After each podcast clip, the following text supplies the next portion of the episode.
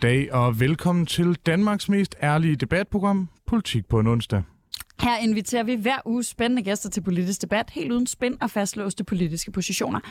Og hvis du havde forventet neutrale værter, eller havde forventet Anders Storgård, så er det her det helt forkerte sted at tune ind. Det er nemlig rigtigt, for øh, i dag er jeg ikke Anders Storgård. Det her er jo et problem, jeg har haft hele mit liv. Jeg er i stedet Simon Fending Olsen. Jeg er landsformand i Liberal Alliances Ungdom, og så er jeg en nykåret Danmarksmester i debat. Og mit navn, det er Sofie Libert. Jeg stiller op til Folketinget for SF, og så er jeg både tidligere Danmarksmester i debat og tidligere landsforkvinde for SF Ungdom. Og den næste, kom, den næste time kommer vi til at vende de vigtigste ting, der er sket i løbet af ugen, med nogle skarpe gæster. Men øh, vi starter med øh, de mindst skarpe gæster, nemlig os selv. Så Sofie, hvad har den her uge, øh, hvad er fyldt for dig? Hvad er du gået op i? Øhm, jamen, jeg tror ikke, øh, og det er et godt spørgsmål, men, men jeg tror ikke, jeg som sådan vil sige, at jeg har gået vildt meget op i det, men jeg tror, jeg har moret mig en del om, om den her proces omkring, øh, om Inger Støjberg skal have sig et nyt parti. Og det er lidt specielt, fordi egentlig synes jeg, at, at medierne måske skulle give hende bare lidt mindre opmærksomhed, men samtidig så synes jeg, det er så fantastisk, når folk finder på nye partinavne, at jeg ikke kan lade være med at snakke om det her øh, vidunder af et, et, øh, et sammensurium af øh, hun har kigget på Lars Lykke og tænkt, det fungerer meget godt med ham at have stjålet et partinavn fra Sverige. Det vil jeg også gøre, men vi kan jo ikke lave Sveriges Demokraterne i Danmark, så nu vil jeg have Danmarks Demokraterne. Men det er ikke rigtigt nok, at de hedder Danmarks Demokraterne. De skal hedde Danmarks Demokraterne Inger Støjberg. Ja, og altså, jeg, øh, jeg, jeg, er jo jeg er meget lidt enig med Sveriges Demokraterne, men de har jo lavet, en, de lavede, øh, jeg mener, det var til øh, valget for to, tre, fire år siden, de har valgt hele tiden derovre, øh, hvor, de, hvor de lavede en fantastisk kampagne med Jimmy Åkesson, som, øh, altså, hvor det virkelig handler om, øh, det brænder, det kommer ind over vores grænser. Og altså, det er helt fantastisk. Meget smukt filmet. Det ligner noget fra sådan en, øh, en Tarantino-film næsten. Og altså, det, det som virkelig er godt, og jeg, jeg kunne godt tænke mig at se Inger, Inger Støjberg stå og kigge ud over mig og fjord. og stå, de, de vælter ind over grænserne. Jeg har lige fået fodlængden af. Jeg tror, det bliver et sindssygt fedt parti at følge med i. Men det er jo, altså, og, og, og vi skal nok lige sige til lytterne, at vi ved jo teknisk set ikke, om Inger Støjberg har noget som helst med det her at gøre, for hun har ikke selv været ude at sige noget. Den eneste grund til, at vi sådan har en idé om det, øh, altså udover at navnet er Danmarksdemokraterne, bindestreg Inger Støjberg, det er, at man skal altså have tilladelse øh, til at bruge folks navn, og det har øh, det her valgnævn øh, fået af Inger Støjberg tilladelsen til at lade det her parti blive opstillingsberettet. Jeg har tænkt meget over en ting, fordi, øh, og det kan være, at du ved det, Simon. Skal man stille nogen op i alle kredse for at stille op til Folketinget, eller er det muligt at lave en statement ud af ikke at stille nogen op i Københavns Storkreds? For det vil jeg synes var enormt interessant. Jeg er øh, ikke jurist og, og kunne ikke øh, altså, øh, drømme om at påstå at være det.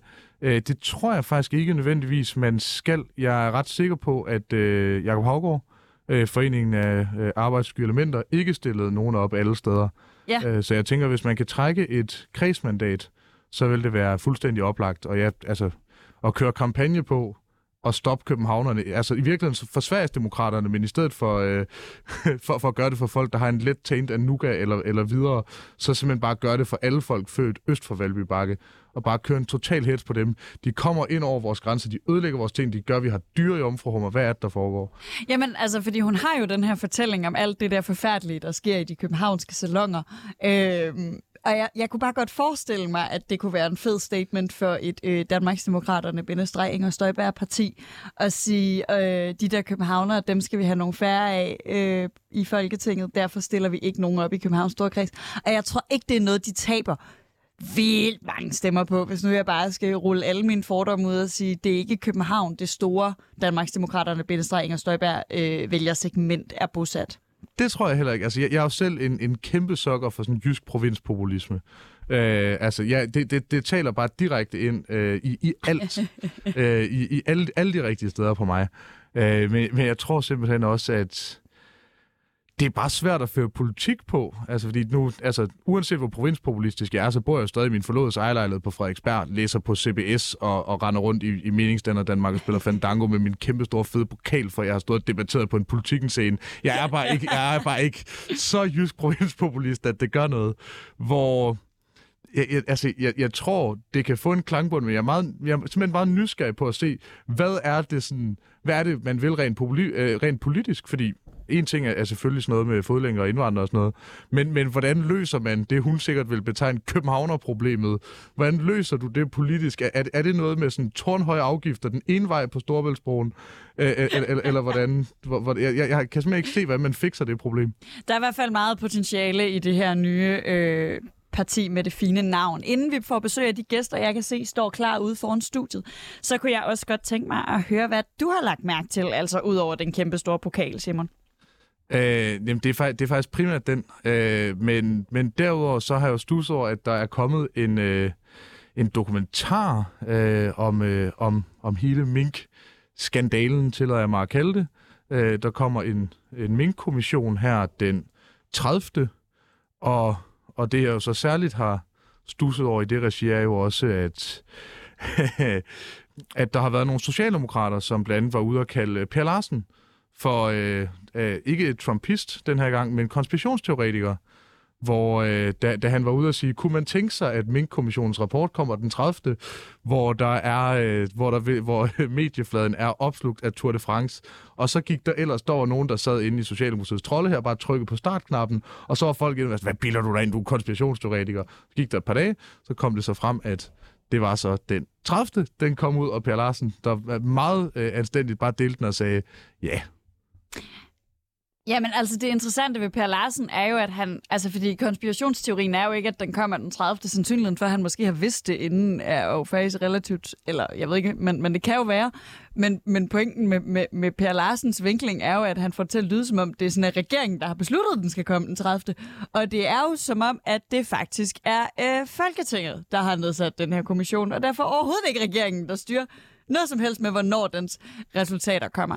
Øh, men, men det er sjovt, du nævner dokumentaren. Den synes jeg virkelig er... Øh, altså, jeg har jo ikke nødvendigvis været den store mink sympatisør på noget tidspunkt, men, men, men gode venner af redaktionen her er jo meget glade for, for deres minkpels, men jeg, jeg tror ikke, at... Øh, altså, jeg tror ikke, der er mange, der kan se de klip der af minkavlere, der bare siger, jeg gad da ikke testes, fordi jeg er jo ikke syg. Øh, som, som ikke bliver sådan en lille smule provokeret af det her med, at, at, at de har været så, at nogle af minkavlerne i hvert fald, har været så lidt villige til at, øh, at adaptere nogle af de retningslinjer, der var nødvendigt for måske at kunne lade minkene overleve. Nu, nu spørger jeg dig måske dumt. Det er det er dit primære takeaway fra hele minksagen, det er, at minkavlere skal testes noget mere. Nej, nej, men, men, men den her dokumentar, jeg tror i virkeligheden, det er pisse farligt for dem, der gerne vil have nogle politikere ned med nakken, fordi der har været meget øh, en, en, en fortælling om, at det var synd for minkavlerne, de fik taget alle deres dyr, men de fremstår ekstremt usympatiske i den her dokumentar, og de fremstår som nogen, der er, går, er ekstremt selvcentreret og ekstremt lidt opmærksom på den kæmpemæssig trussel deres mink, uanset hvordan man vender og drejer det, så kan vi diskutere, om de gjorde det, men i hvert fald kunne have udgjort. Det interesserede dem meget, meget lidt øh, i den her dokumentar. Det tror jeg er... Øh, altså, jeg tror, den dokumentar på mange måder er, er en gave til, til Mette Frederiksen. Både og. Øh, altså, jeg, jeg, jeg må også øh, ærligt indrømme, at det er heller ikke, fordi jeg er sådan hellbent på, at øh, vi skal have øh, sådan eksorbitante mængder pelsdyrproduktion. Men, men omvendt, så, så må jeg også sige, at... Øh, at, at jeg synes, det er, altså, det er jo en sindssygt problematisk sag, og, og jeg synes egentlig, at den er, den er kritisk, men uden at det bliver sådan noget altså, konspiratorisk pisse, undskyld udtryk, for jeg har virkelig, altså, jeg, jeg, jeg, jeg, jeg, det kan godt være, at jeg ikke er nødvendigvis mink-sympatisør, men jeg er super meget grundlovssympatisør, øh, og, og har været ret, ret vred over de her ting. Det eneste, jeg har været mere vred over, det er alle de borgerlige, der bare har hoppet på limpinden og bare er altså, tæsket efter Mette Frederiksen og bare sagt, at hun skal få en rigsret, øh, hvor guden skal vide, hvis øh, kommissionen anbefaler det, så, så kommer jeg da også til at jogge på den speeder. Men der er godt nok mange borgerlige, der, øh, der har valgt at, at, at trykke for meget på en speeder, som de har meget, meget lidt belæg for, og derfor er jeg lidt ærgerlig over, hvis den her dokumentar skaber grobund for, at borgerlige, øh, som mig selv, vil kunne komme med en masse fuldstændig uunderbygget anklager.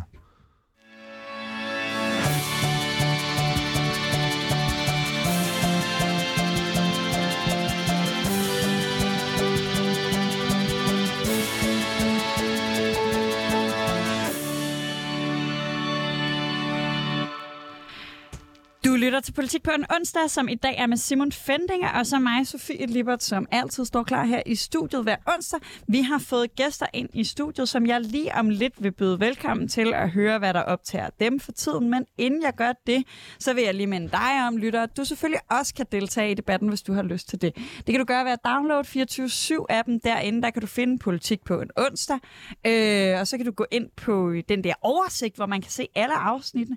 Derinde der er der sådan en fint lyserødt chat chat-ikon oppe i højre hjørne. Der kan du skrive, hvis du har et spørgsmål til vores gæster. Er du på arbejde om onsdagen mellem 10 og 12 og hører derfor det her øh, på podcast, øh, eller i skole, eller sover, eller hvad man nu ellers kan lave en onsdag formiddag, så kan du selvfølgelig ikke stille et spørgsmål direkte til vores gæster, men du er stadig meget velkommen til at komme med inputs, og eventuelt komme med forslag til, hvad der øh, hvad vi skal snakke om i næste uge. Nu har vi fået intet mindre end tre gæster i studiet, og jeg har lyst til at starte med at byde velkommen til dig, Morten Stig. Du er aktivist i den grønne ungdomsbevægelse. Velkommen ja. til. Tak skal du have. Øh, lige om lidt, der skal vi snakke om øh, en masse af det, som øh, i har lavet på folkemødet, øh, nogle af jer. Men øh, når vi får gæster i studiet, så er det også vigtigt for os sådan at lære lidt om, hvad der ellers optager jer for tiden. Så øh, når man er aktiv i den grønne ungdomsbevægelse, så kan jeg forestille mig, at der står klima, klima, klima. Men hvad lægger du sådan mærke til politisk for tiden? Altså, hvilke bevægelser jeg ser ud i samfundet? Ja, hvad går du op i? Hvad fylder, når du... Øh... Jamen, det seneste, som vi rigtig har forholdt os til, det er jo den her CO2-afgift som vi mener skal være højere ensartet i den grønne ungdomsbevægelse. Og det mener vi simpelthen, at det er for, fordi det er det Klimaråd anbefaler, at den skal være. Og, så det er noget, der optager os rigtig meget. Men øh, sådan efter en tur på folkemødet, som har været en, en ret øh, storstået oplevelse, det sætter sig lidt i en, så det er lidt det, man går sådan og arbejder med for tiden. Hvad det var for et, øh, hvad for et fællesskab, der bliver skabt der, og hvordan det der ord demokrati bliver brugt sådan et sted i sådan en grad. Det skal vi i hvert fald øh, snakke meget mere om øh, senere. Jeg har lyst til at lige spørge dig, fordi der er jo forhandlinger omkring den her CO2-afgift øh, øh, lige for tiden. Øh, jeg bliver sådan lidt nysgerrig på, øh, og det er sådan en, en, en træls ting at men, men hvad er dine forventninger og forhåbninger? Tror du faktisk, at vi ender på den høje ensartede, eller ender vi i, i øh, Aalborg Portland-modellen, hvor, øh, hvor Socialdemokratiet og måske også Venstre og Konservatives bedste venner, de får lov at slippe? Ja, altså... Øhm, jeg vil jo heller ikke lave en selvopfyldende profesi med, at jeg ikke tror, at vi ikke får en høj ensartet CO2-afgift. Det er virkelig en grundsten i at regulere folks forbrug og få et lavt øh, CO2, få en lav CO2-udledning. Men Mette Frederiksen er jo ret tæt relateret til Aalborg Portland, hvilket hun også siger selv, øh, Mette Frederiksen. Så øh, det kommer i hvert fald til at være ret konfliktoptrappende, eller i hvert fald, øh, hvis hun så overfor sine venner i Aalborg, hvis den så bliver øh, høj ensartet. Ja, og direkte fra Aalborg til Slagelse, så har vi også Nikolaj Bjørk, tidligere næstformand i Venstres Ungdom, nuværende byrådsmedlem i Slagelse Kommune. Og øh, Nikolaj, hvad, hvad har optaget dig i løbet af ugen? Jamen, modsat de to andre, så var jeg ikke på folkemøde. Jeg var derhjemme og lavede øh, kommunalpolitik, og det er jo sådan nok en skade, man får, når man først bliver indvildet i at have en politisk position. Øh, I Slagelse har vi en lidt speciel situation øh, med vores økonomi, og det er det, vi bruger al vores tid på at diskutere, hvordan vi kan indrette den øh, i kommunen. Og det blev så ikke bedre af, at der kom en økonomiaftale mellem regeringen og kommunerne, der ikke lige gjorde det nemmere for os at løse de udfordringer. Men det bokser vi med. Og til de af vores lyttere, om end det er få, som ikke bor i Slagelse, øh, vil du sætte nogle flere ord på, hvad går den her økonomiaftale ud? Altså er fattis i penge? Øh, mangler der simpelthen nok penge til jeres øh, brintbusser og det ene og det andet? Nej, jeg tror, at øh, grund til, at Slagelse mangler penge, er ikke øh, økonomiaftalen mellem regeringens skyld. Det er den økonomiske politik, der er ført i kommunen de sidste fire år. Så det er sådan en selvstændig pointe. Øh, men noget af det, som vi godt kunne tænke os i Slagelse, det var at lave nogle strukturelle forandringer, øh, blandt andet ved at lave nogle nye anlæg. Og når man reducerer anlægssummen for regeringen, så bliver det jo sværere at lave dem. Øh, man kan sige lige præcis i Slagelse, der har vi ikke haft problemer med at bruge vores øh, penge på anlæg, fordi vi simpelthen ikke har nogen. Øh, så, så det er en lidt en anden situation. Øh, for økonomiaftalen er egentlig fornuftig nok i sig selv, øh, når man ser på øh, sådan finanssituationen i landet. Ja, og øh, jeg er jo særlig glad for Slagelse Kommune, hvor LA fik sin første borgmester øh, i den del Du er også glad for, at han støttede en rød borgmester. Jeg synes, at John Dyrby og Willum Christensen er et ikonisk makkerpar, der på mange måder bør gå ned i historien. øhm, men, men altså, du lyder ikke som om, du er alt for glad for den her økonomiaftale mellem regeringen og øh, kommunerne.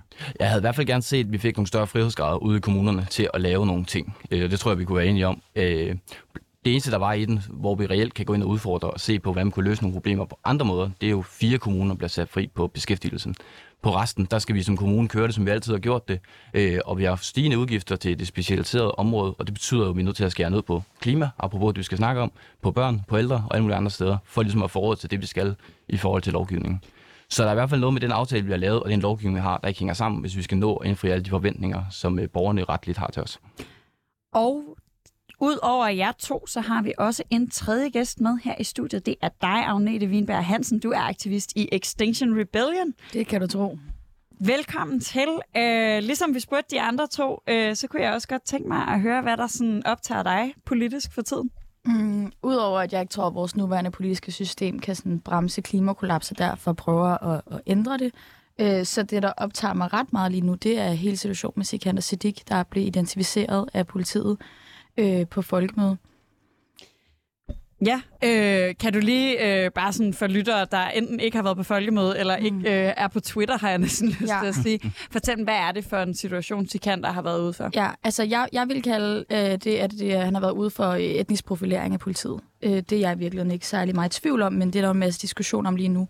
Øh, så når politiet går hen og identificerer nogen, øh, så vil det sige, de går ikke bare pænt hen og sådan siger, hej, goddag, hvad hedder du? Og så kan man få lov at svare. Det er en meget intimiderende oplevelse, hvor de går hen og, og beder om, øh, at man kan identificere sig selv, og man må simpelthen ikke gå, før det er, at øh, de er sikre på, at du er den, du siger, du er. Øh, og det er en ret ubehagelig oplevelse. Øh, jeg oplever det ikke, når jeg går på Nørrebro, øh, men det ville jeg nok gøre, hvis jeg var, var brun og mandligt udseende. Øh, og det giver bare ikke nogen mening, de forklaringer, politiet er kommet med. Nu er de kommet med, med en håndfuld stykker. Jeg er lidt svært med at finde rundt i dem alle sammen. Men en af forklaringerne var, at de ledte efter de klimaaktivister, der lavede forstyrrelser fredag og torsdag. Og der må jeg sige, dem var jeg en af. Øh, og, og du jeg... ligner øh, ikke Sikander Siddiq, vil jeg sige. Altså, det gør jeg ikke. Øh, jeg ved godt, der var flere, men også bare vores lyttere kan jo ikke se dig, men, men Agnete ligner øh, på ingen måde Sikander Siddiq, eller nogen af dem, han gik sammen med. Nej. Øhm, og politiet ved udmærket, hvem vi er. Øh, og de direkte efter debatten på, øh, på DR2, altså den øh, happening der, der blev jeg ikke identificeret. Øhm, og det synes jeg er lidt sjovt, fordi jeg tror, det var ret... Eh, folk var enige om, at jeg også var deroppe. Det tror jeg ikke, der var så mange, der var i tvivl om. Mm. Øhm, så, så jeg synes, det er, nogle, det er mange forskellige forklaringer, politiet giver, øh, hvor at jeg synes, det kunne være fedt, hvis vi i Danmark kunne have en reel debat om øh, etnisk profilering i Danmark, og bruge det her som et udgangspunkt til at snakke videre om det. Mm. Og det er faktisk også noget, hvor nu fik jeg jo lov til at tage et emne med til den anden time, og det er jo noget, som jeg meget, meget gerne vil snakke om. Øh, simpelthen får vi gæster både fra Frie Grønne og øh, fra Socialdemokratiet. Øh, de vil, det kan godt være, at de ikke vil snakke med mange medier, men de vil snakke med os. Så vi gennemgår hele etnisk profileringssagen fra ende til anden i time nummer to. Ja, og det er altså efter klokken 11 her stadig på 24.7, men nu skal vi i gang med dagens første debat.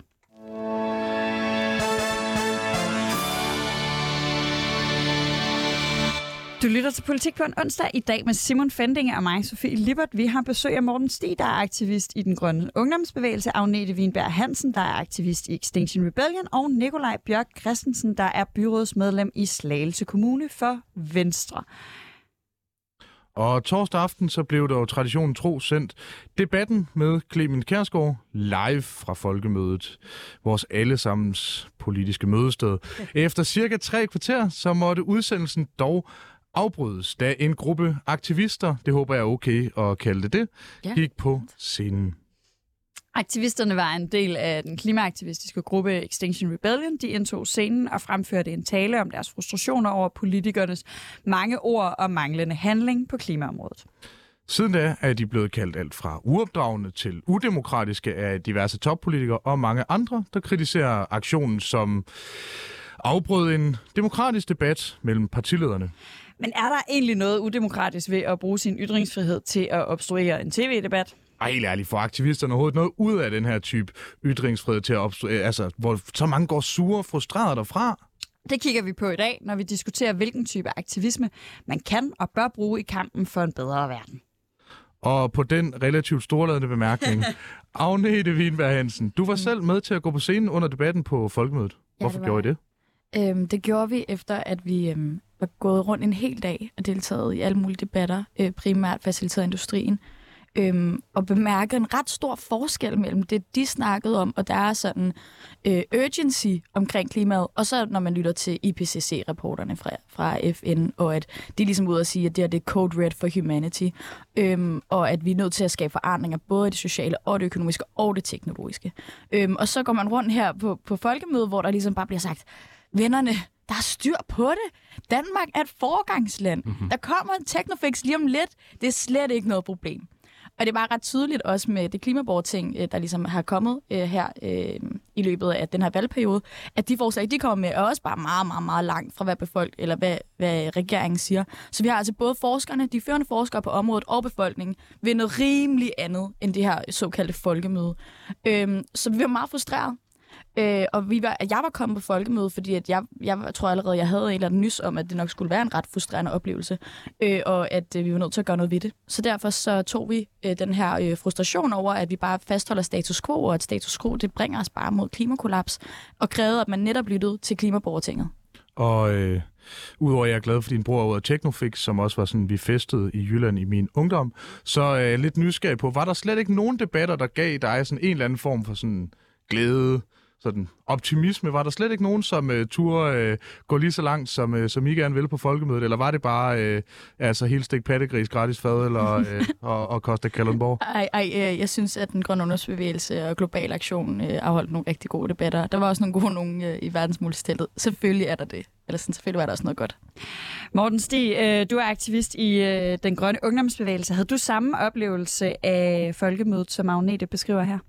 Jamen, altså, der, jeg tror helt sikkert, og det synes jeg også, at jeg oplevede øh, menneskerettighedsteltet og, og andre steder var, og LGBT-teltet plus, øh, var der en masse gode debatter, men man ser jo bare ikke de mennesker, der går op på scenen til debatten øh, i de debatter. Øh, dem ser man i hin, hinandens telte. Øh, for eksempel, apropos øh, øh, den første dag på debatten, hvor man lige blev ramt af folkemøde øh, med 100 km i timen, der var jeg til en debat, hvor Christian Jensen, som nu er administrerende direktør hos Green Power Danmark, som har nogle økonomiske interesser, mildest var i debat med hvad hedder det, Socialdemokratiets øh, energi- øh, og forsyningsordfører og øh, CEO'en for DFDS Danmark. Og de skulle snakke om fremtiden for Power to X, vejen til en grønnere fremtid. Og der, der er der jo ikke nogen kritiske, øh, uvildige stemmer overhovedet repræsenteret. Så det er jo også en lille smule grænseoverskridende at sidde til de her ting og føle, at man skal bære den vægt, øh, som folket, når man ikke engang bliver repræsenteret for et synspunkt, øh, som er uvildigt. Og det er jo bare et af mange eksempler. Øh, vil, skal jeg nævne flere eksempler, eller... Du må gerne komme med flere eksempler Ja. på, fordi jeg tror, det også er en, en... Lige om lidt har jeg rigtig meget lyst til... Nu ved jeg godt, at Nikolaj ikke var på folkemødet, men måske at høre om... om han trods alt deler jeres frustration over nogle af de her ting. Men kom gerne med et eksempel mere på en træls debat. Jamen, så er der jo også sådan, de lidt mere øh, underlige. Så var jeg hen til noget, der hedder Innovationsgruppen, som er en erhvervsmand, der har startet en virksomhed, der skal kigge øh, de klimabelastende virksomheder gennem i sømmene. Det er en konsulentvirksomhed. Jeg ved ikke, hvad meget han ved om klima, men han er i hvert fald erhvervsmand. Så han skulle kigge totalt gennem i sømne om, om de overholdt, øh, eller ja, om de fulgte op på, ja, yes, jeg tænker nok ting som Paris-aftalen, om de fik var med til at reducere deres CO2-forbrug. Og det er jo fuldstændig absurd, fordi Total er jo et olieselskab, og Total var generelt repræsenteret mange steder i de her telte. Ja, Øhm, det er bare rent nysgerrighed. Men Kan det jo ikke have noget at gøre med, at nu har Total skiftet navn til Total Energi og er i gang med over de næste 5-7 år at sælge hele deres olie- og gasportefølje? Men det er helt sikkert noget med det at gøre, og man skal jo selvfølgelig som en olievirksomhed have en eller anden form for rygdækning i 2022, men det forholder sig også sådan, at Total har cirka halvdel... De har for eksempel i øh, Uganda investeret i en crude oil pipeline, øh, som er ved at blive bygget lige nu, og der har de 50 procent af investeringerne, i, at der er i den, i den fra deres side. Så man bliver nok lidt nødt til at tale med to tunger, i hvert fald, som et olieselskab i 2022. Så du mener, det er nogle rygklapperdebatter, hvor uanset om man gør noget godt eller gør noget dårligt, så øh, kommer det hele i hvert fald til at fremstå rigtig godt? Ja, yeah. Især når øh, dem, ja, jeg lægger ord i munden på dig. er, Det er dårlig journalistik, men øh, det skaber også gode og hurtige programmer. Ja, hvis jeg lige må snakke færdig. Når det er en, en eller anden erhvervsmand, der laver noget, der hedder innovationsgruppen, der skal kigge virksomheder igennem sømmene, så tror jeg bare, det synes jeg er en lille smule tyndt og ikke særlig uvildigt. Nikolaj Bjørk Christensen, du er øh, som sagt byrådsmedlem i Slagelse Kommune, øh, og jo også, øh, som vi tidligere har nævnt, altså øh, for nylig været en del af ungdomspolitik, som jo typisk har det her, jeg ved godt, man ikke gør det så meget på højrefløjen, men trods alt lidt mere, øh, ikke nødvendigvis aktivistiske, men i hvert fald øh, ideologisk, øh, vi presser på, for der sker noget måske lidt hurtigere, end, end, øh, end der ellers gør. Øh, og lige om lidt vil jeg rigtig gerne høre, hvad du tænker om den happening, øh, Agnete og resten af Extinction Rebellions aktivister lavede. Men jeg vil godt starte med at tænke mig at høre, hvad du sådan, altså om du øh, forstår den frustration, de handler på. Altså den her frustration over at høre rigtig meget, og så føle, at når det kommer til stykket, så de store magthavere, de taler lidt mere, end de handler. Den deler jeg faktisk til dels, øh, og jeg startede med, startede med at snakke om CO2-afgift, og jeg tror faktisk, vi er enige i den holdning, at vi skal have en generelt høj ensartet CO2-afgift. Mm. Øh, og hvilken model man så skal bruge, om der skal være tilbageløb til borgerne, eller hvordan man skal gøre det, det kan vi måske diskutere rent praktiske. Men grundlæggende tror jeg, vi er enige i det. Øh, og mit ærne med at gå ind i den her debat var egentlig at sige, hvordan kan vi gennem politisk aktivisme øh, ikke bare skabe synlighed, for det tror jeg, I er, er dygtige til at gøre, men også skabe noget resonans i befolkningen, så vi får den rigtige øh, handling på det. Altså, og flere, der får forståelse for sagen. Øh, og i min optik, så den øh, happening, jeg så, for jeg var derhjemme og så jo kun det, der var i fjernsynet, altså debatten, tror jeg ikke gør, at flere øh, øh, kommer til at sympatisere med jeres sag. Jeg tror tværtimod, man kommer til at skubbe nogen fra sig, øh, og på den måde faktisk være øh, med til at bremse nogle af de vælgere, der skal stemme på de øh, politikere, i at undersøge sagen, i at blive mere nysgerrige på klimasagen, og i at kræve den handling, I, I vil have. Fordi debatten bliver mere polariseret, øh, og man ikke skaber en mobilisering og resonans i befolkningen, men man i stedet for skaber en kløft øh, mellem dem, som er, hvis man skal bruge et uh, Pia Kjærsgaard-udtryk, klimatosser i hendes øjne, og dem, som øh, er aktivister og gerne vil handle på det. Øh, I hvert fald på, på den ene fløj. Og på den anden fløj kan jeg jo sagtens forstå, at der er nogen, der ikke mener, at gør nok. Øh, nu arbejder jeg også på Christiansborg og oplever til daglig sidder ved siden af øh, nogle af dem, der forhandler øh, på klimaområdet. Marie Bjerre øh, sidder på samme kontor, som jeg gør. Øh, og jeg er også med på sidelinjen på den måde, i hvad er det for nogle forhandlinger, der kører. Øh, jeg er også frustreret over den regering, der er, som siger, at de vil have en høj ensartet CO2-afgift, men der ikke på nogen måde er fremskrevet i, i de forhandlinger, der er om samme emne. Så jeg kan godt dele frustrationen, men jeg tror ikke, i hvert fald lige den konkrete handling, øh, er vejen til at skabe bredere resonans, som må være en del af målet, tænker jeg. Agnete, er det en del af målet? Altså, øh, når I laver sådan en happening, hvad er så øh, formålet med at, at gå på scenen her under debatten? Altså, formålet er, at vi får de magthavere til at afgive magten til Klimaborgertinget. Øh, og derfor så kan vi ikke bare øh, fortsætte med at ligesom have det politiske system. Jeg tror ikke, løsningen findes inden for det nuværende politiske system. Øh, men jeg synes faktisk, altså jeg er virkelig glad for, at den er snak, fordi det er ret spændende. Sådan skubber man folk væk, eller får man folk hen, øh, og bliver enige med os. Og der vil jeg sige sådan, først og fremmest, så er jeg egentlig ikke så bekymret for, bare fordi, at man synes, at, at vi, øh, at man ikke er enig i vores metoder, at man så ikke stadigvæk kan fatte, at vi har et, et rimelig alvorligt øh, klimaproblem. Og at man så måske i stedet for lytter til den grønne ungdomsbevægelse, eller lytter til, til nogle andre bevægelser. Sådan, det tror jeg egentlig ikke, at, at folk tænker, at ej, okay, nu er det okay, at, at menneskeheden står for altså, mulig udryddelse. Øhm, fordi de der trælsaktivister lavede noget. Øhm, så, så det er jeg egentlig ikke så, så bange for nødvendigvis. Og så er det faktisk heller ikke det, jeg oplever. Altså, det var ret, ret fedt, at vi gjorde det torsdag, for det vil sige, at så gik jeg rundt på pladsen fredag og lørdag, øh, og, og, og så en masse mennesker. Og sådan. Der var virkelig mange, der kom op og var enormt støttende over, at vi lavede den her aktion, fordi den her frustration, som vi prøver at øh, bringe frem i medierne, er der bare virkelig, virkelig mange, der deler. Øh, og jeg tror også, at der er mange, øh, der ligesom går, øh, altså sådan er lige så bekymrede, som vi er, som sådan bliver, bliver ved med at, sådan, at købe den her præmis om, at vi kun kan skrue og dreje på få nøgler ad gang, og vi skal øh, helt ned og, og, og diskutere sådan en CO2-afgift, skal den være høj, skal den være lav, øh, og sådan bliver vi enormt frustreret over, at det er sådan nogle små ting, vi kigger, når øh, vi ved, at vi har brug for at lave sådan omfattende forandringer i alle dele af samfundet, og at vi ligesom kan få lov til at skubbe øh, debatten derhen, så vi ikke længere skal købe den her præmis om, at vi kun kan lave, kan lave bitte små ændringer ad gangen, fordi der har vi simpelthen ikke tid til. Men, men Agnete, bare, bare lynhurtigt, mm. nu, nu du er, så vidt jeg ved, økonom.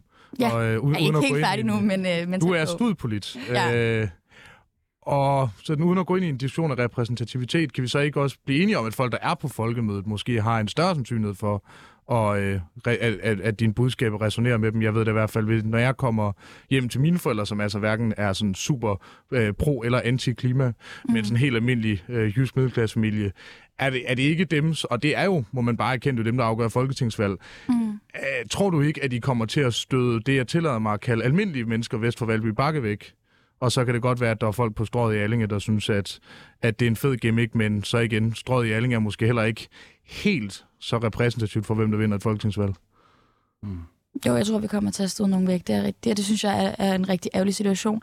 Øhm, men jeg tror, sådan helt generelt, så er det en enormt svær øh, debat at skulle tage på, på nuværende tidspunkt, fordi at, øhm, det jo også en del af Extinction Rebellions første krav, det er sådan, fortæl nu sandheden.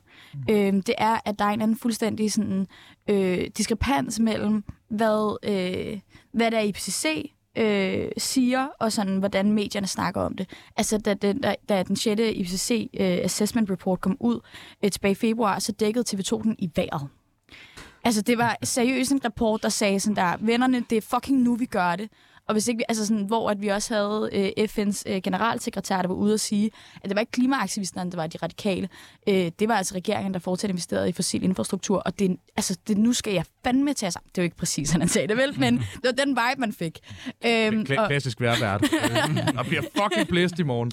men, øh, men det var bare ret, det var bare ret vildt, eller sådan, hvordan at det bare ikke bliver ført frem. Så sådan, det vi jo ligesom også prøver at gøre, det er, at vi skubber til medierne, vi skubber til magthaverne. Fordi at hvis vi bliver ved med at snakke om det, som om at sådan, Danmark er et foregangsland, og der kommer Technofix og Power to X, hvis vi bliver ved med at have den her sådan, forståelse af det hele, men så, så er det jo klart, at vi ikke rent faktisk kan skabe de forandringer, der er brug for, fordi at det er ikke den situation, vi står i. Den situation, vi står i, er altså simpelthen så akut, at jeg desværre ikke er ekstrem. Altså, det er verden, der er det.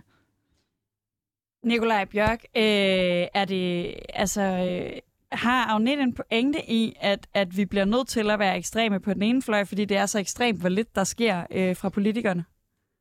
Altså, det kommer an på, hvordan man ser politisk forandring ske. øh, og man tror på, at ved at rykke længst ud på yderfløjen, så kan man rykke øh, samfundet. Jeg er, er med på, at man gennem politisk aktivisme, og det støtter jeg egentlig hele hjertet, at man gør øh, i nogen form, kan ændre samfundet.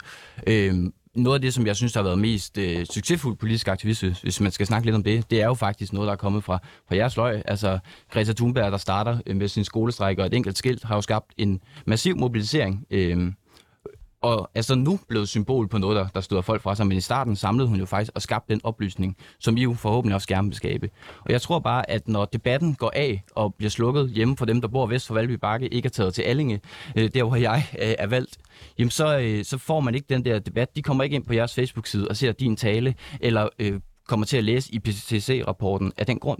De kommer til at tænke, ej, hvor åndssvagt, og jeg sad og hyggede mig med mit øh, fredagslik på en torsdag, øhm, og, og, og nu var det bare træls, og det skal fylde. Øhm, og, og derfor tror jeg, man skal overveje meget, hvis man virkelig vil skabe en reel forandring, hvad er det så for nogle værktøjer, man tager i brug.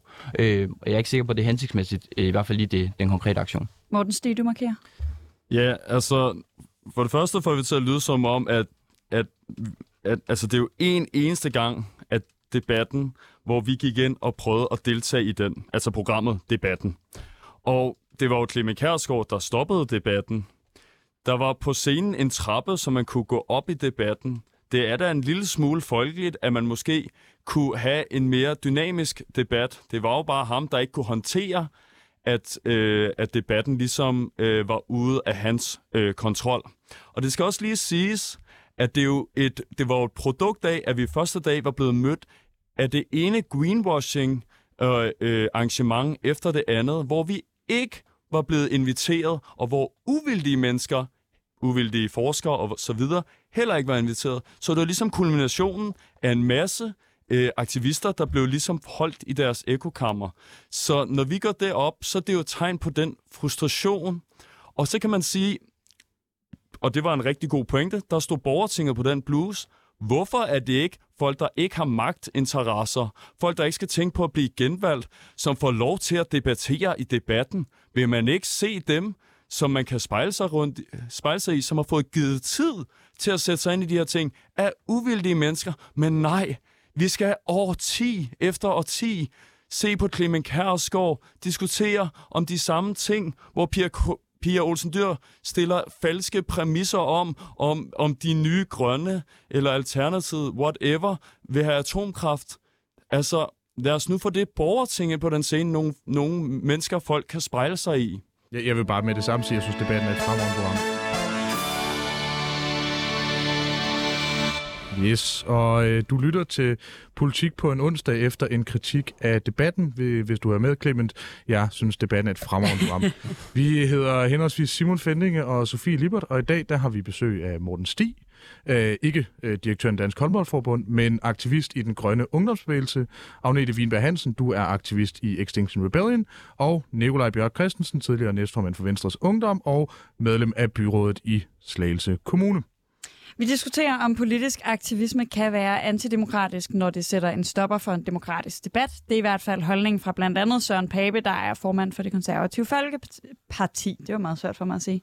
Ja, debatten med øh, Clement var, øh, var, var dog ikke det eneste arrangement på folkemødet, der øh, blev afbrudt eller øh, forbedret, eller hvad man spørger, af aktivister. Ifølge Carsten Lauritsen, tidligere minister, nuværende dansk industri, ingen interessekonflikt der.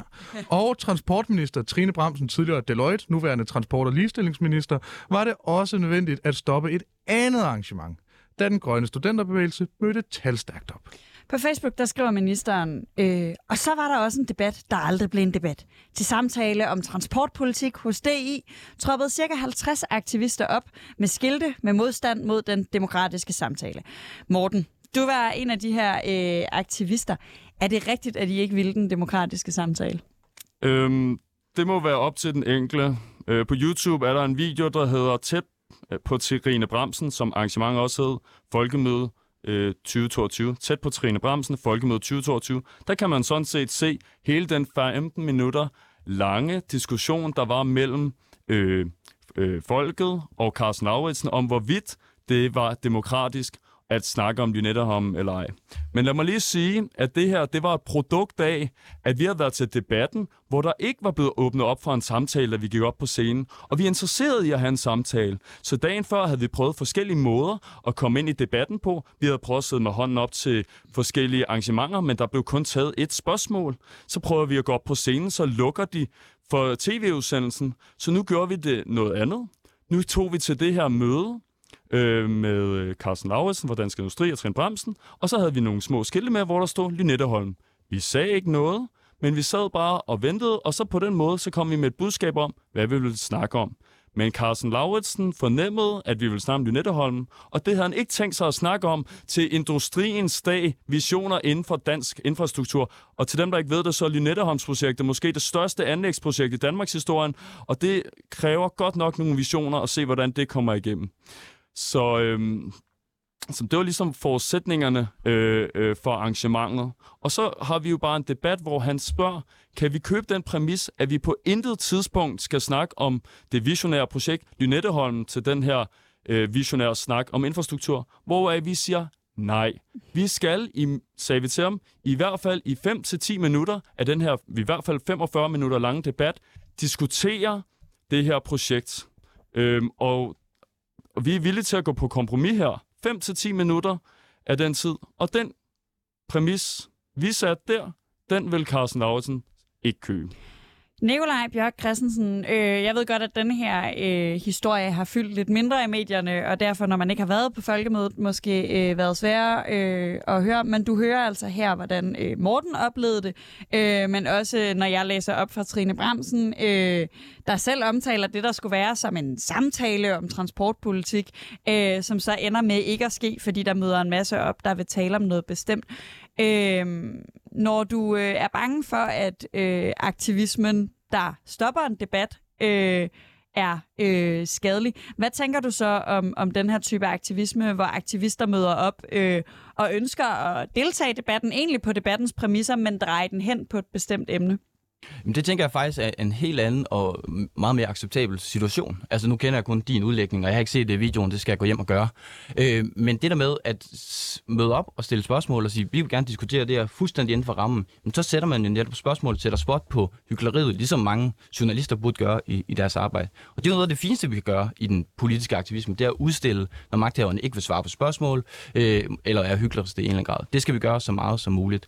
Men der, hvor jeg synes, kæden hopper af, det er fordi, at pæle præmissen er, at I ikke kommer til ord øh, i debatten osv. Nu, nu er jeg i USA og debatten, det tror jeg, de fleste ungdomspolitikere er. Øh, og så vidt jeg husker, har der været øh, adskillige repræsentanter for bevægelser som jeres, øh, måske ikke præcis jeres, det kan jeg ikke huske, som har kommet til ord i debatten. Debatten har de seneste par år øh, fået flere og flere, øh, som Clemen Kjærsgaard skulle kalde det, almindelige folk ud fra virkeligheden, ind i debatten for at diskutere med magthaverne. Han har købt præmissen om, at det ikke kun er politikerne, der skal være der. Øh, og derfor synes jeg, det er enormt ærgerligt, at man går ind og afbryder den debat, der i virkeligheden skulle være, som aldrig noget kom i gang om klima. Og det, jeg synes, der er endnu mere hyggeligt, det er jo så, når de såkaldte grønne partier, Fri Grønne Alternativet, går ud og hylder den her aktion, som at sige, det her det var det rigtige at gøre, så spiller man jo fuldstændig falit på sin egne øh, tro på evner og politisk forandring. At hvis man ikke selv kan føre sine argumenter igennem debatten, jamen, så må vi afbryde den og få alle til at kun høre på vores synspunkt. Det er jo ikke det, en debat er. En debat er en udveksling af synspunkter mellem de forskellige. Og der synes jeg jo, at Fri Grønne og Alternativet skulle sige det, de mener, hvis de støtter jer, og sige præcis det, I siger i partilederdebatten. Og nu er det ikke nogen menneskeret at være med i en partilederdebat, medmindre man er partileder. Agnete Wienberg Hansen, hvad tænker du om det? Jamen, jeg synes faktisk, det er en ret god pointe, det der med, at man jo ikke bare kan gå op og sige, at det, det, er, mit, det, er det, jeg har at sige, der er det vigtige. Øh, altså sådan, at det kan jeg sagtens se. Øh, da vi gik op og afbrød, så var det netop for at sige, sådan der, nu er det på tide, at I lytter til klimaborgertinget. Nu er det på tide, at de lytter til forskerne. Øhm, og ja, vi, har egentlig, vi, har snakket, vi har nævnt klimaborgerting nogle gange, men jeg tror ikke, vi har forklaret, hvad det er endnu. Nej, det må du faktisk rigtig gerne. Det er fordi, jeg glemmer, at øh, hvis man ikke er... Øh aktiv klimaaktivist, så ved man faktisk ikke nødvendigvis, det findes, fordi det fylder rigtig lidt. Så ja. I endelig en forklaring på, hvad det er. Øh, det er ligesom en, en ny måde, hvor man kan, kan opdatere demokratiet på, som øh, der er en masse samfundsvidenskabelige forskere, der har været inde og foreslå.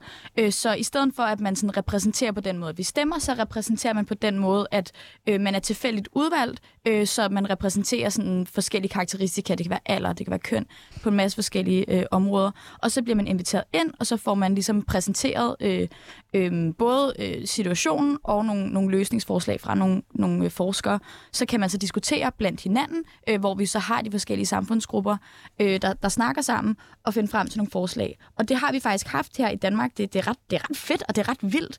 Øhm, og øh, hvis man går ind og læser nogle af, af de forslag, der kommer med, så, øh, så er jeg, altså sådan, jeg vil have nogle mere radikale ændringer, men alligevel synes jeg, det er bedre end, end meget af det, vi hører inden fra, fra Folketinget af, både fordi de gerne vil reducere det animalske landbrug, og de vil gerne have, at vi prioriterer øh, klima frem for, for vækst.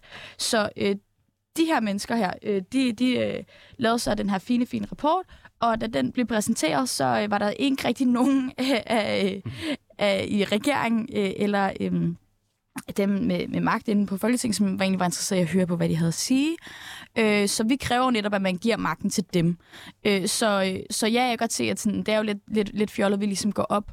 Øh, men vi går op, fordi at vi kræver simpelthen, at man lytter til de her mennesker, og det gør man ikke lige nu. Øh, og det er derfor, at øh, jeg tror ikke på, at de her magthavere kommer til at overgive deres magt frivilligt. Jeg tror ikke, vi kan snakke os til, at de pludselig opdager, at de faktisk ikke har fat i den lange ende, og at de tænker for meget øh, på, hvordan de kan fastholde magten. De tænker for meget på, hvordan kan jeg blive genvalgt om fire år? Hvordan kan jeg sørge for, at Aalborg Portland stadigvæk bakker op om mig? Hvordan kan jeg øh, sørge for, at industrien stadigvæk bakker op om mig?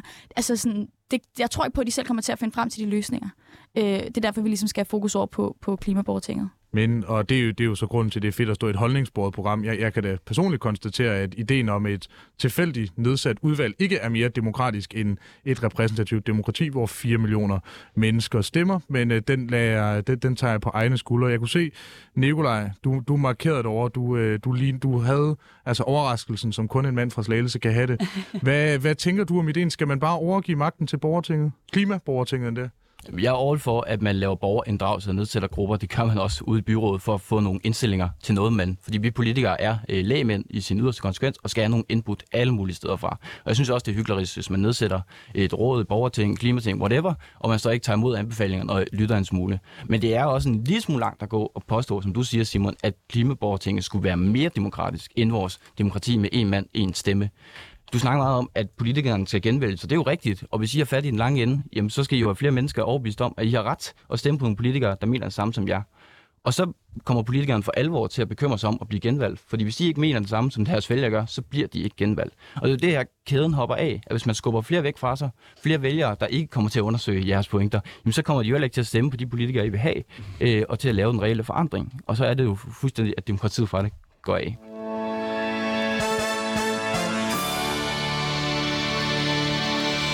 Du lytter til Politik på en onsdag med Simon Fending og Sofie Lippert. Vi har i dag besøg af Morten Stig, aktivist i den grønne øh, ungdomsbevægelse, hedder det nu. Agnete Wienberg Hansen, der er aktivist i Extinction Rebellion, og Nikolaj Bjørk Christensen, der sidder i byrådet i Slagelse Kommune, eller kommunalbestyrelsen. Yes, og vi diskuterer i dag, hvordan politisk aktivisme påvirker den demokratiske samtale. På folkemødet blev ikke bare en, men to debatter afbrudt af aktivister og mange, mange politikere, to afstand. Samtidig så hyldede vi alle sammen for få måneder siden en russisk aktivistisk tv-vært, der afbrød en nyhedsudsendelse med et skilt om krigen i Ukraine. Nikolaj Bjørk, øh, jeg bliver sådan lidt nysgerrig på, er der en afgørende forskel for dig på de her to happenings? Fordi nu har jeg ikke tjekket, om du er vild med russiske aktivister, men øh, jeg, øh, hvad hedder det, jeg tænker, at det er noget, du er fan af. Ja, altså det giver sig selv, hvis man er liberal og tror på den frie verdensorden, så støtter man Ukraines kamp og ikke øh, Rusland. Så de russere, der siger øh, imod internt, dem øh, støtter jeg. Men I kunne have gjort det samme i Stensen Rebellion. Taget et skilt med, stillet op. Det var en åben scene. Kameravinkler hele vejen rundt. Der var ikke et lukket tv-studie, hvor vi får formentlig adgang. Øh, tag store skilte med hele vejen rundt, hvor der står klimaborting eller whatever. Det er nu bare jeres budskab bare. Og jeg har fået præcis samme effekt. Hvad tænker du om det, Morten? Altså, er det, er, er det simpelthen, øh, er, skal metoderne være øh, nogen, hvor der gives, øh, hvor vi er øh, mere stille, når vi er aktivister? Øhm, altså, vi reflekterer meget over vores aktionsformer inden for det her aktivisme. Og jeg bliver altså lige nødt til at lige at røre på det øh, med Trine Bramsen og Carsten Ausen mm. igen, med, dansk, med visioner inden for infrastruktur det var jo ikke os, der stoppede debatten. Vi sad ned med, et lille, med fem små skilte på et A4-papir, hvor stod Linetteholm. Og så begynder Carsten Lauritsen at konfrontere os og sige, at vi skal købe med på alle mulige præmisser. Så det var ikke os, der stoppede debatten på noget tidspunkt. Vi sagde bare til ham, vi vil ikke købe den kompromis. kompromis. Og så startede han aldrig debatten, så der var aldrig nogen, der råbte noget. Vi sad bare stille og svarede på hans spørgsmål, om vi ville købe præmissen. Og det, så vil jeg også bare gerne lige kommentere, øh, før vi begynder at snakke om det, at når, det er jo videnskabeligt øh, bevist, at det er meget demokratisk, når man bruger, sta- bruger statistik til at lave en bred øh, repræsentation af borgere. Så det igen er uvildige mennesker, som, øh, som skal værne om vores de- demokrati. Lave et mere deliberalt Morten, det er så lige nødt til at høre dig. Du mener, det er mere demokratisk at man laver en statistisk sammensætning end det repræsentative demokrati. Og undskyld, det kan, den argument kan jeg overhovedet ikke underbygge. Men man skal i hvert fald arbejde med at øge den mængde af, af, af folk. Den mener jeg. Så, så du mener bare rent nysgerrig, nu, øh, nu, nu politikudvikler vi bare, ja. øh, du vil gerne have flere af, af sådan nogle borgerting. Øh, forstår jeg på dig? Jeg vil gerne have, at vores borgerting får lov til at blive repræsenteret på folkemøde borgerne er folket, så det er nærliggende, når man har et folkemøde, at man får præsenteret, hvad borgere, der er blevet sat ind i problemstillinger, har at sige, især om klimadagsordenen. Men realistisk set, kan du forvente, hvis du bare øh, inviterer den gennemsnitlige person, øh, hvordan er blevet... Altså, jeg, jeg havde selv en debat, det var så ikke om klima, men nede i kraftens bekæmpelsestelt, om, øh, om rygning, hvor der var sådan noget formand for lægeforeninger og alt sådan noget, øh, hvor eksempelvis Rasmus Langhoff fra Socialdemokratiet var der, hvor Per Larsen var der, og hvor jeg var der som sådan øh, den unge stemme. Giver det ikke god mening, at man inviterer folk, som man realistisk set har en formodning om, ved noget om det, og for de to andres vedkommende rent faktisk også kan ændre på det? Jo, det giver god mening, men pointen var jo netop, at de, som jeg også sagde, at til de debatter, vi var til om torsdagen den første dag, der var der ikke repræsenteret uvildige personer til at oplyse magthaverne om, hvad for en dagsorden de skal kæmpe for. Der var ikke nogen forskere, da de snakkede om fremtiden for Power to X. Vel?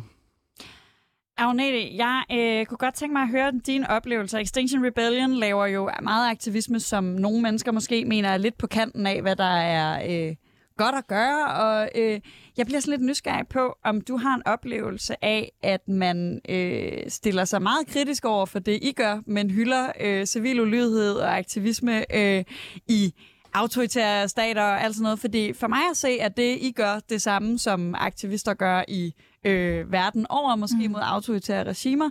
Det er en anden fjende, men for mig at se en lige så stor fjende. Øh, og jeg kan se de to borgerlige mænd i, i studiet reagere hurtigt, men jeg vil i hvert fald lige hurtigt have dit take på, så skal Nikolaj nok få lov at komme til. Oplever du, at der er en, en, en meget anderledes behandling af jeres aktivisme, end af anden, øh, måske øh, civil ulydig aktivisme? Jeg, jeg oplever i hvert fald, at der er en historieløshed i det. Øh, og det, det er ikke noget normalt bruger om, om folk.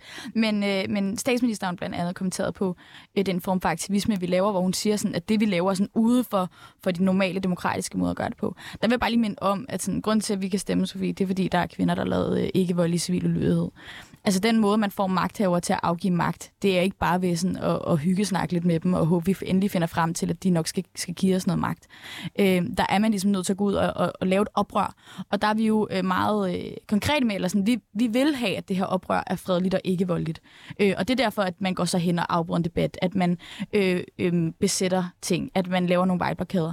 Øh, fordi det netop er ikke voldelig civil lydighed, men på, en, på ja, på den her måde. Så, så jo, jeg synes, at det er meget vildt, at også Socialdemokratiet øh, med deres sådan, øh, kamp til magten mm. ikke kan se, at, at det er fair nok, at, at, at vi ikke er færdige med at udvikle vores demokrati. Det er også, jeg synes, det er fjollet, at man, at man tænker, at vi i 2022, nå okay, nu har vi fat i en lang ende. Nu er vi endelig nået frem til utopien af, hvordan vi kan styre vores samfund. Øh, og der findes ikke nogen bedre øh, måde at lave demokrati på, så vi lige, lige så godt stoppe snakken her. Altså det synes jeg også er meget, øh, det ved jeg ikke, vildt, at det er sådan, man tænker. Øh, fordi at der er jo netop nogle samfundsvidenskabelige forskere, der går ud og siger, prøv at høre, det kan være, man kan gøre noget på den her måde. Fordi vi netop har et problem med, at politik er blevet øh, fuldstændig gennemsyret af, øh, kampen for at få mere magt, eller fastholde magten. Og her er der en anden løsning. Lad os lige kigge på den. Øhm, det, det forstår jeg ikke, hvorfor man ikke er klar til at kigge på, hvordan man, man kan, kan løse de her problemer, for jeg tror, vi alle sammen er enige om, at der er en kortsigtethed i politik. Og jeg tror, vi alle sammen er enige om, at industrien og lobbyforeningerne har for, for meget magt. Absolut, jeg tror heller ikke, det, det der tidligere blev sagt var, det er heller ikke det, jeg hørte fra, fra de andre, at, at borgerting øh, er en, en dårlig idé. Det er bare et spørgsmål om, hvorvidt det kan substituere demokratiet. Men jeg vil gerne høre dig, Nikolaj, for jeg blev meget glad, da jeg så, at du også var øh, en lille smule overrasket over statementet øh, med øh, Rusland kontra klima. Øh, hvad er forskellen på de to ting? Forskellen er jo, at jeg synes, det er jo civil ulydighed virkelig har sin berettelse, det er, når de politiske magthaver ikke reagerer på de folkelige krav. Og der har været en stor folkelig bevægelse op til valget i 19 om at få et grønnere folketing. Folketinget har jo rykket sig fra 15 til 19, det anerkender jeg også som borgerlig markant og i en bedre retning. Øh, og når man jeg skal lige høre, du, du mener simpelthen Folketinget mellem der, hvor de borgerlige fik regeringsmagt, og de borgerlige tabte den igen, at det er blevet bedre? På klimaområdet okay. har vi fået et mere... Et, Venstre har jo også rykket sig på klimaområdet. Jeg synes, Venstres nye position på klimaområdet er bedre, end den var før. Mm. Så som helhed, og nu snakker vi klima i dag, jeg er rimelig sikker på, at vi er enige om, at vi skal have en borgerlig regering igen øh, for, for et mere liberalt samfund. Det tror jeg ikke, vi skal øh, diskutere. Og så tænker jeg, at der er en verden forskel på store autoritære stater, hvor der er overgreb mod øh, individet, og så nogle politikere, der ikke reagerer på en undskyld, jeg siger det, yderliggående fraktion, der vil have øh, en Men der politik, er jo overgreb mod ikke... individet, det er bare ikke inden for Danmarks grænser. Altså klimaforandringerne er et overgreb, der er mennesker, der dør. Altså helt oprigtigt, der er overgreb. Og vi har 10 sekunder tilbage, og jeg bliver nødt til at give dig, Morten, de 10 sekunder, fordi du sidder her og markerer. Ja, jeg vil sige, at det globale syd var ikke repræsenteret på folkemødet. De var repræsenteret på vores øh, hvad hedder det, lejr, men de blev ikke repræsenteret nogen andre steder, og de siger jo, at de dør ned i Argentina, og det er Total, der investerer i det. Og det, og det og det er, hvad vi når i dag, fordi vi bliver nødt til at øh, sige, at det var alt, vi nåede i dag. Det var Politik på en onsdag. Vi er tilbage på den anden side af nyhederne.